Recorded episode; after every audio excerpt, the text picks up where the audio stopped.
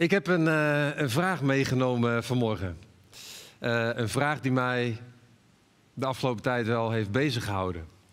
En die vraag is deze: hoe blijf je nu een vurig volgeling van Jezus, ook als de omstandigheden niet ideaal zijn? Als je uit je ritme bent, als de ontmoeting met andere navolgers van Jezus niet meer vanzelfsprekend is, en het wel een beetje lijkt alsof je veel meer op jezelf bent aangewezen om vorm te geven aan je persoonlijke wandel met Jezus. Kortom, hoe doe je dat als al die dingen er afgelopen seizoen zoveel waren? En ik geloof en ik merk ook om me heen en ook wel bij mezelf dat het een actuele vraag is. Uh, vorige week hadden we weer een bijeenkomst met onze community. En, uh, en Harmke en ik, we maken onderdeel uit van de community uh, De Held Noord, Rijdiep Gravenburg. En, uh, en, wij komen dan om zondag 9 uur hier in dit gebouw uh, samen. En het was sinds december weer, hè, dus meer dan vier maanden niet. Um, en we besloten vorige week dan ook veel tijd in te ruimen voor de ontmoeting met elkaar. En uh, het was mooi weer, de zon scheen, in ieder geval aan het begin van de dag nog. Um, en dus we hadden hierachter een paar cirkels ge getekend met stoepkrijt en, en mensen konden in drietallen in gesprek. En we stelden elkaar de vraag, joh, wat was nou een uitdaging voor je het afgelopen seizoen. Maar ook waar ben je in gegroeid het afgelopen seizoen? En ook wat brengt je nu weer hier in de community? En, en, er waren zeker ook reacties van mensen die zeiden van, nou ja, die stilte en die rust en die vertraging die er ook wel was, dat heeft me ergens wel goed gedaan. En tegelijk was er ook over de linie wel dat geluid van die uitdaging. Van ja, het is alsof ik een beetje onder een, een deken heb geleefd. Ik moet weer aangezet worden. Het vuur is een waakvlammetje geworden. Ja, hoe blijf ik nu vurig als volgeling van Jezus? En, uh, en ik merk het zelf in de aanbidding, dat, dat, dat samen aanbidden, dat dat mijn vreugde in God voedt. Dat het mijn vuurtje voedt in het volgen van Jezus. En dat heb ik gemist. Maar die vraag, hoe blijf ik nou een vurig volgeling van Jezus, is niet alleen actueel, het is ook super relevant. Want we worden ertoe uitgenodigd, elke keer opnieuw, toe aangespoord. Persoonlijk en als kerk van Jezus. Bijvoorbeeld door Paulus in Romeinen 12, vers 11. En daar schrijft hij aan de kerk van Rome: Laat uw enthousiasme niet bekoelen, maar laat u aanvuren door de geest en dien de Heer. Word niet koud, maar laat je enthousiasme niet bekoelen, maar laat je aanvuren door de geest. Dat gaat over dat vuurtje. Door de geest van Jezus. En dat vind ik zo mooi dat daar ook achteraan staat. Hè? Je aan laten vuren door de geest. Het is primair en eerst het verlangen van Jezus zelf dat in zijn volgeling dat vuurtje brandt voor hem. En alles wat hij verlangt in ons tot stand te brengen, dat zal hij ook in ons tot stand brengen. En daarom wil ik uh, vanmorgen focussen op Jezus en hoe hij nou mensen maakt tot vurige volgelingen. En met je kijken ook naar de evangeliën. Matthäus, Marcus, Lucas, Johannes, hoe Jezus dat daar doet. En we zien talloze voorbeelden. En ik vind het ontroerend hoe Jezus dat doet. Van gewone mensen, vurige volgelingen maken. En ik wil drie dingen met je gaan verkennen. En het eerste wat me opvalt in de evangelie, wanneer Jezus gewone mensen maakt tot vurige volgelingen, is dat hij hen eerst vrijzet om hem te volgen. Dus Jezus, dat is het eerste, zet je vrij om hem te volgen. Want als mens ga je niet automatisch achter Jezus aan. Nee, er is eerst een, een goddelijk werk van losmaken voor nodig. En een heel mooi voorbeeld vind ik die kleine man in de boom. Hij was erin geklommen, want hij wilde Jezus zien. En hij wilde gewoon weten wat voor iemand dat was. Hij wilde hem leren kennen. En Jezus die komt onder zijn boom staan. En hij nodigt hem uit om naar beneden te komen. Hij zegt, Zacchaeus, Kom vlug uit je boom. Dat vind ik ook een heel mooi detail. Als het gaat over de liefde die Jezus wil laten zien aan mensen, dan, dan, ja, dan heeft Jezus een zin in vaart. Kom vlug, want ik wil mijn liefde aan jou laten zien. En dan komt Jezus onder het dak van Zacchaeus aan zijn tafel. Hij ontmoet hem, er zijn gesprekken. En dan gebeurt het daar aan die maaltijd dat op een gegeven moment daar staat dat Zacchaeus opstaat. Dat is op zich logisch, hè, want ze lagen aan met eten. Maar het is ook een ander soort opstaan. dan is daar in die ontmoeting met Jezus het moment dat Zacchaeus gaat opstaan. En dat betekent hij gaat met beide benen staan in dat pad van Jezus, in dat voetspoor van Jezus. Want hij zegt erbij, Heer, ik geef de helft van mijn bezittingen geef ik aan de armen. En als ik iemand iets heb afgeperst, dan geef ik het viervoudige weer terug. Als ontroerend. Jezus zet je vrij om hem te volgen. Wat Jezus hier doet. Een goddelijk werk van losmaken in het hart van deze kleine man. Hij maakt hem los van hebzucht, waarin hij gevangen zat. Hij maakt hem los van geld. Hij maakt hem los uit dat isolement van andere mensen. En hij zet hem met beide benen op een nieuw spoor. Kom maar, Zacchaeus. Ik zet je vrij opdat je mij kunt gaan volgen. Voel je hem? Dat is wat Jezus doet van gewone mensen een vurige volgeling maken. En het eerste is, hij zet mensen eerst vrij. En het andere voorbeeld wat ik zo mooi vind, dat is de Samaritaanse vrouw in Johannes 4. Jezus onderweg naar, door Samaria, komt bij een waterput, gaat daar pauzeren nabij de stad Siga. Het is op het heetst van de dag. En er komt daar een vrouw uit het stadje, op het heetst van de dag. Wat betekent dat dan de kans het grootste was dat ze niemand zou tegenkomen. Want ze werd met de nek aangekeken. Het was een vrouw met een reputatie, een vrouw gebroken. Meerdere mannen gehad op zoek naar vervulling. En ze komt daar met haar gebrokenheid bij de put. In de ontmoeting met Jezus. En dan zie je daar opnieuw dat werk van vrijzetten wat Jezus daar doet. Want na het gesprek, dan rent ze Sigar in. Wat ze juist had ontvlucht, de de blikken van mensen. En dan zegt ze, hij weet alles van mij. Ze komt helemaal tevoorschijn en hij wijst mij niet af. Opnieuw had Jezus daar een werk van vrijzetten gedaan. Vrijzetten van schaamte, vrijzetten van verleden. En die vrouw gezet op het spoor van de navolging. Moest ook denken aan de vier vissers. Matthäus 4, Petrus en Andreas zijn aan het vissen. En dan komt Jezus voorbij. Een schitterend tafereel. En zijn stem klinkt: Kom, volg mij. En ze laten onmiddellijk alles achter: de boot, de netten. En ze volgen Jezus. Even verderop zaten dan Jacobus en Johannes, ook twee broers. Kom, volg mij. Ik zal je maken tot vissers van mensen, zegt Jezus. En ze laten hun boot en hun netten, dat is hun bedrijfje en hun familiepatronen en hun vader achter om Jezus te volgen. En weer gebeurt het. Jezus die een werk van vrijzetten doet, opdat ze hem kunnen navolgen. Hij zet hen vrij van bootje, van verwachtingen dat ze ook vissers zouden worden in het voetsporen van hun vader, opdat ze hem kunnen volgen. Jezus zet je vrij om te volgen. Dat is het eerste wat Jezus doet als hij gewone mensen wil maken tot vurige volgelingen. En hoe is dat voor jou? Hoe is dat voor jou sinds dit seizoen waar we uitkomen? Ben je door al die beproevingen en al die helemaal niet ideale omstandigheden, ben je vrijgebleven? Ben je vrijgebleven tot vreugdevolle navolging? Ben je vrijgebleven om, om dat vuurtje te voelen en te voeden? Of moet je misschien zeggen van joh, kan, ik kan me zo goed voorstellen dat je zegt van joh, maar het was pittig voor me. Ik heb mijn dingen echt laten roven en ik heb me misschien wel gevangen laten zetten door negatieve gedachten. Ik zit misschien vast aan allerlei meningsverschillen, wat allerlei frictie heeft veroorzaakt. Of ik maak me gewoon echt ongelooflijk veel zorgen. En die vreugdevolle navolging in dat vuurtje.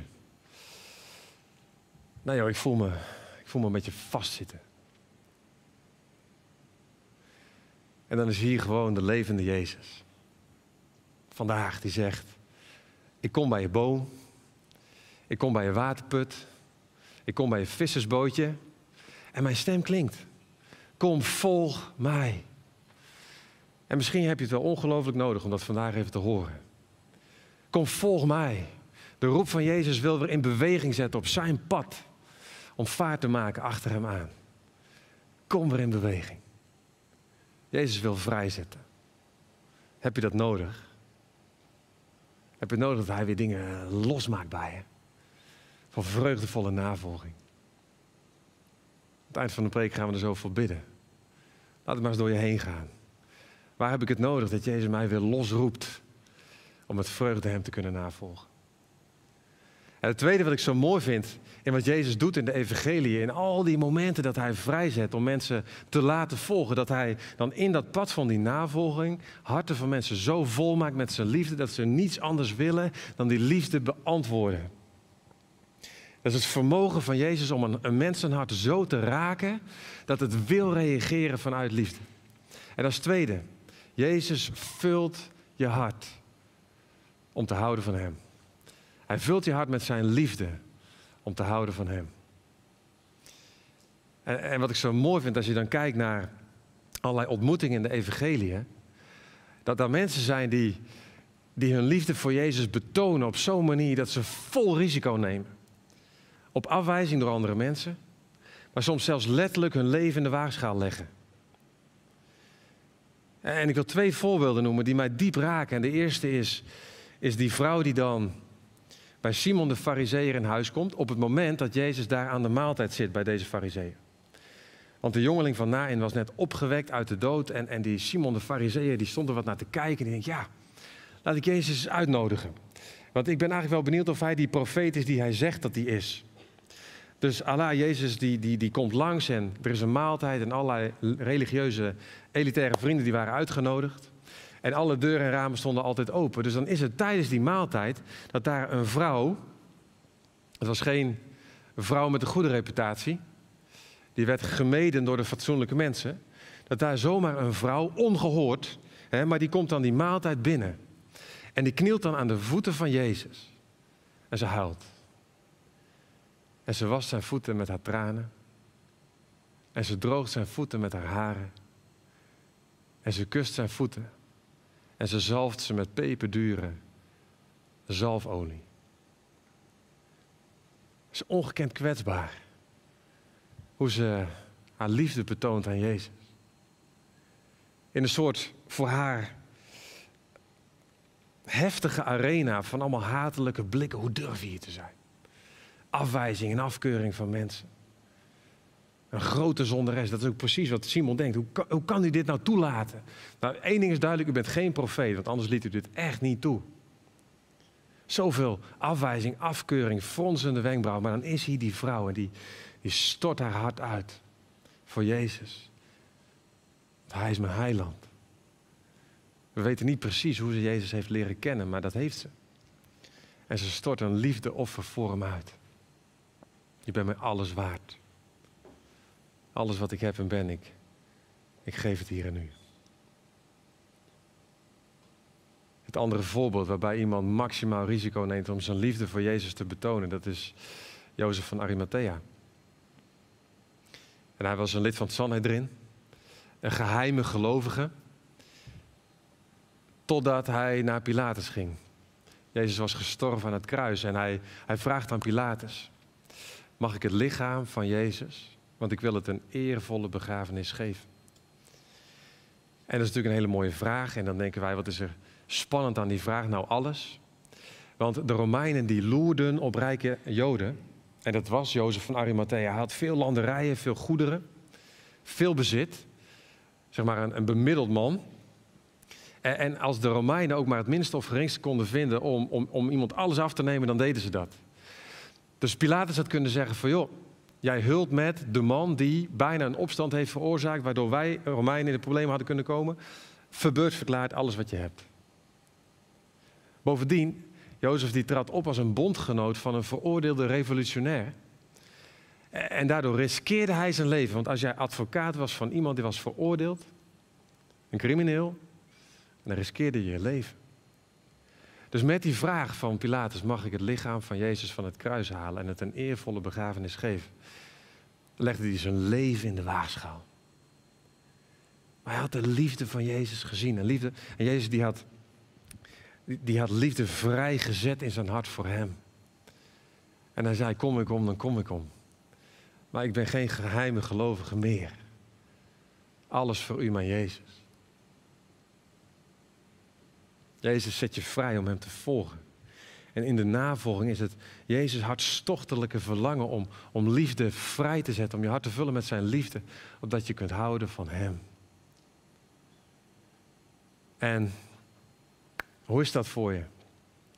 Na dit seizoen waarin zoveel dingen anders waren. Zoveel beproevingen en gedoe. Hoe is het met je liefde voor God en voor mensen? Als Jezus zegt dat het eerste en het grootste is dat je van de Heer houdt met heel je hart, ziel, verstand en kracht. Hoe is het met je? Is dat het vuurtje van die liefde? Om te zeggen, ja maar, al kost het me alles, ik ga reageren en mijn liefde geven aan Jezus, want ik houd van Hem. Of moet je misschien wel zeggen, joh, dat is echt wel een pittig jaar wat dat betreft. Ook dat liefde, vuur en dat vuur in mijn botten voor het houden van God met alles wat ik heb en ben.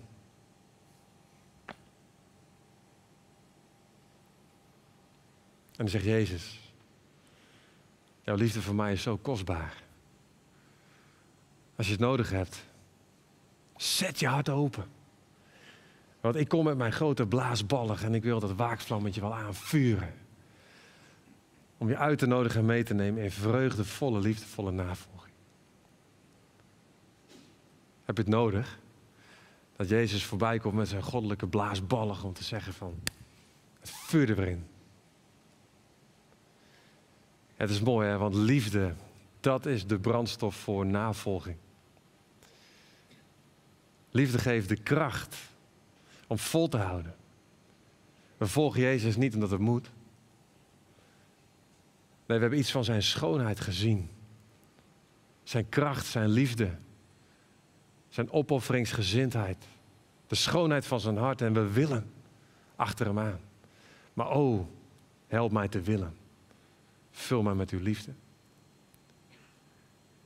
Hoe maakt Jezus van gewone mensen vurige volgelingen? Hij zet hen vrij. Hij vult hen met liefde. En hij geeft hen kracht om steeds meer te gaan lijken op hem. Maar dat zie je ook continu gebeuren in de evangelie. Dat Jezus in de navolging mensen steeds meer op zichzelf laat lijken. Aan de hand neemt daartoe. En er zijn ook talloze voorbeelden van, maar ik wil er eentje noemen. Johannes. We noemden hem al even. Zoon van de donder. Toen hij Jezus leerde kennen was hij een tiener. En dat was een beetje een vierkante vuurvreter. Uh, temperamentvol. Maar na een paar jaar in de navolging van Jezus, toen noemde hij zichzelf alleen nog maar leerling van wie Jezus houdt. Hij was zo machtig onder de indruk van Jezus' liefde voor hem, dat hij bij wijze van spreken daarover liep te mijmeren. Hoe bestaat het toch, geliefd te zijn door Jezus? En vanuit de zoon van de donder, leerling van wie Jezus houdt, werd hij op hoge leeftijd apostel van de liefde. Die kon zeggen, ik ken Gods liefde en ik weet hoe ik erin blijven kan. En wat was het geheim? Ja, maar Jezus had hem continu kracht gegeven, dichtbij gehouden, zodat hij steeds meer op hem kon gaan lijken. Hoe blijf je nu een vurige volgeling van Jezus, ook als de omstandigheden ver van ideaal zijn? Nou, zegt Paulus, laat je enthousiasme niet bekoelen. Maar laat de geest u aanvuren en dien de Heer. Dus door de geest van Jezus, Hij wil je vrijzetten om Hem te volgen. Hij wil je vullen met zijn liefde. Hij wil je kracht geven om steeds meer op Hem te gaan lijken. En ik wil zo afsluiten met een gebed. Het gebed tussen hemelvaart en Pinksteren. We zitten in de tien dagen van wachten, van verwachten. Laat u aanvuren door de geest. En als je hier zit en je zegt, of als je meekijkt en je zegt, ah, ik heb het zo nodig dat Jezus weer komt om mij los te trekken van dingen onder de deken vandaan, of, of, of om er aan te zetten, of om mijn hart weer diep te raken met zijn liefde. Dan gaan we daar voor bidden. En dan is het wachten en verwachten op die machtige werking van de geest, van Jezus. Om je hart maximaal open te zetten. Om hem toe te laten en te zeggen, Heer, ik wil echt op weg zijn met u. En um, mag ik jullie hier vragen om te gaan staan voor het gebed. Dan gaan we vandaar een lied in. Dan gaan we zo samen Jezus zoeken.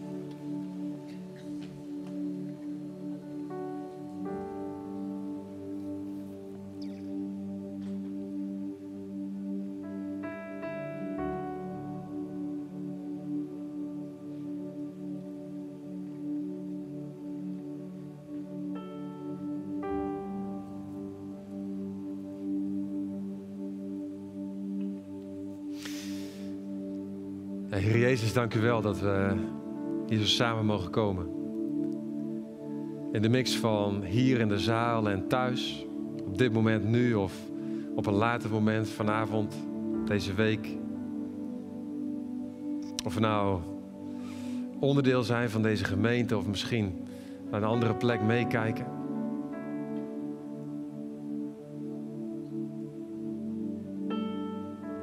Maar hier in uw ogen zijn we allemaal gelijk. Uw oog is op ons. Wie we ook zijn, waar we vandaan komen, hoe we ons voelen. En u nodigt ons uit vandaag om weer open te gaan. Om weer aan te gaan.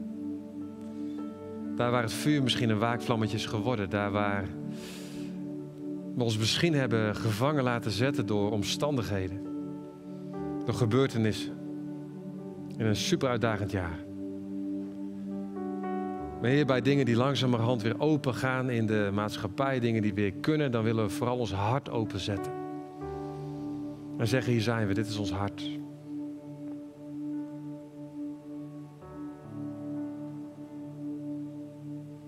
Misschien zeg je, oh, ik heb het zo nodig dat Jezus mij weer vrijzet. Ik heb zijn roep verstaan vanmorgen en ik wil weer in beweging komen, uit die boom. Ik wil weer wegrijden bij die put het dorp weer in. Ik wil die boot achterlaten en volgen. Zeg het er maar, Heer Jezus. Zet me in beweging vanmorgen.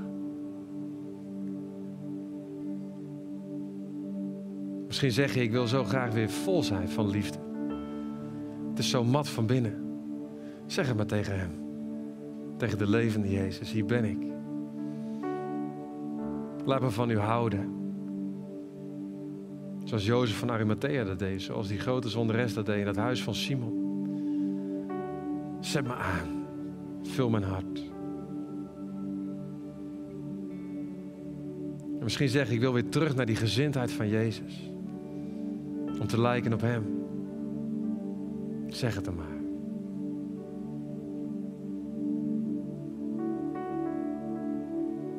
Heer Jezus, vul ons zo met uw geest. Neem ons mee onderweg. Zet ons hart aan. Tot eer van u en tot zegen van elkaar. Tot bloei van de wereld. In uw machtige naam. Amen.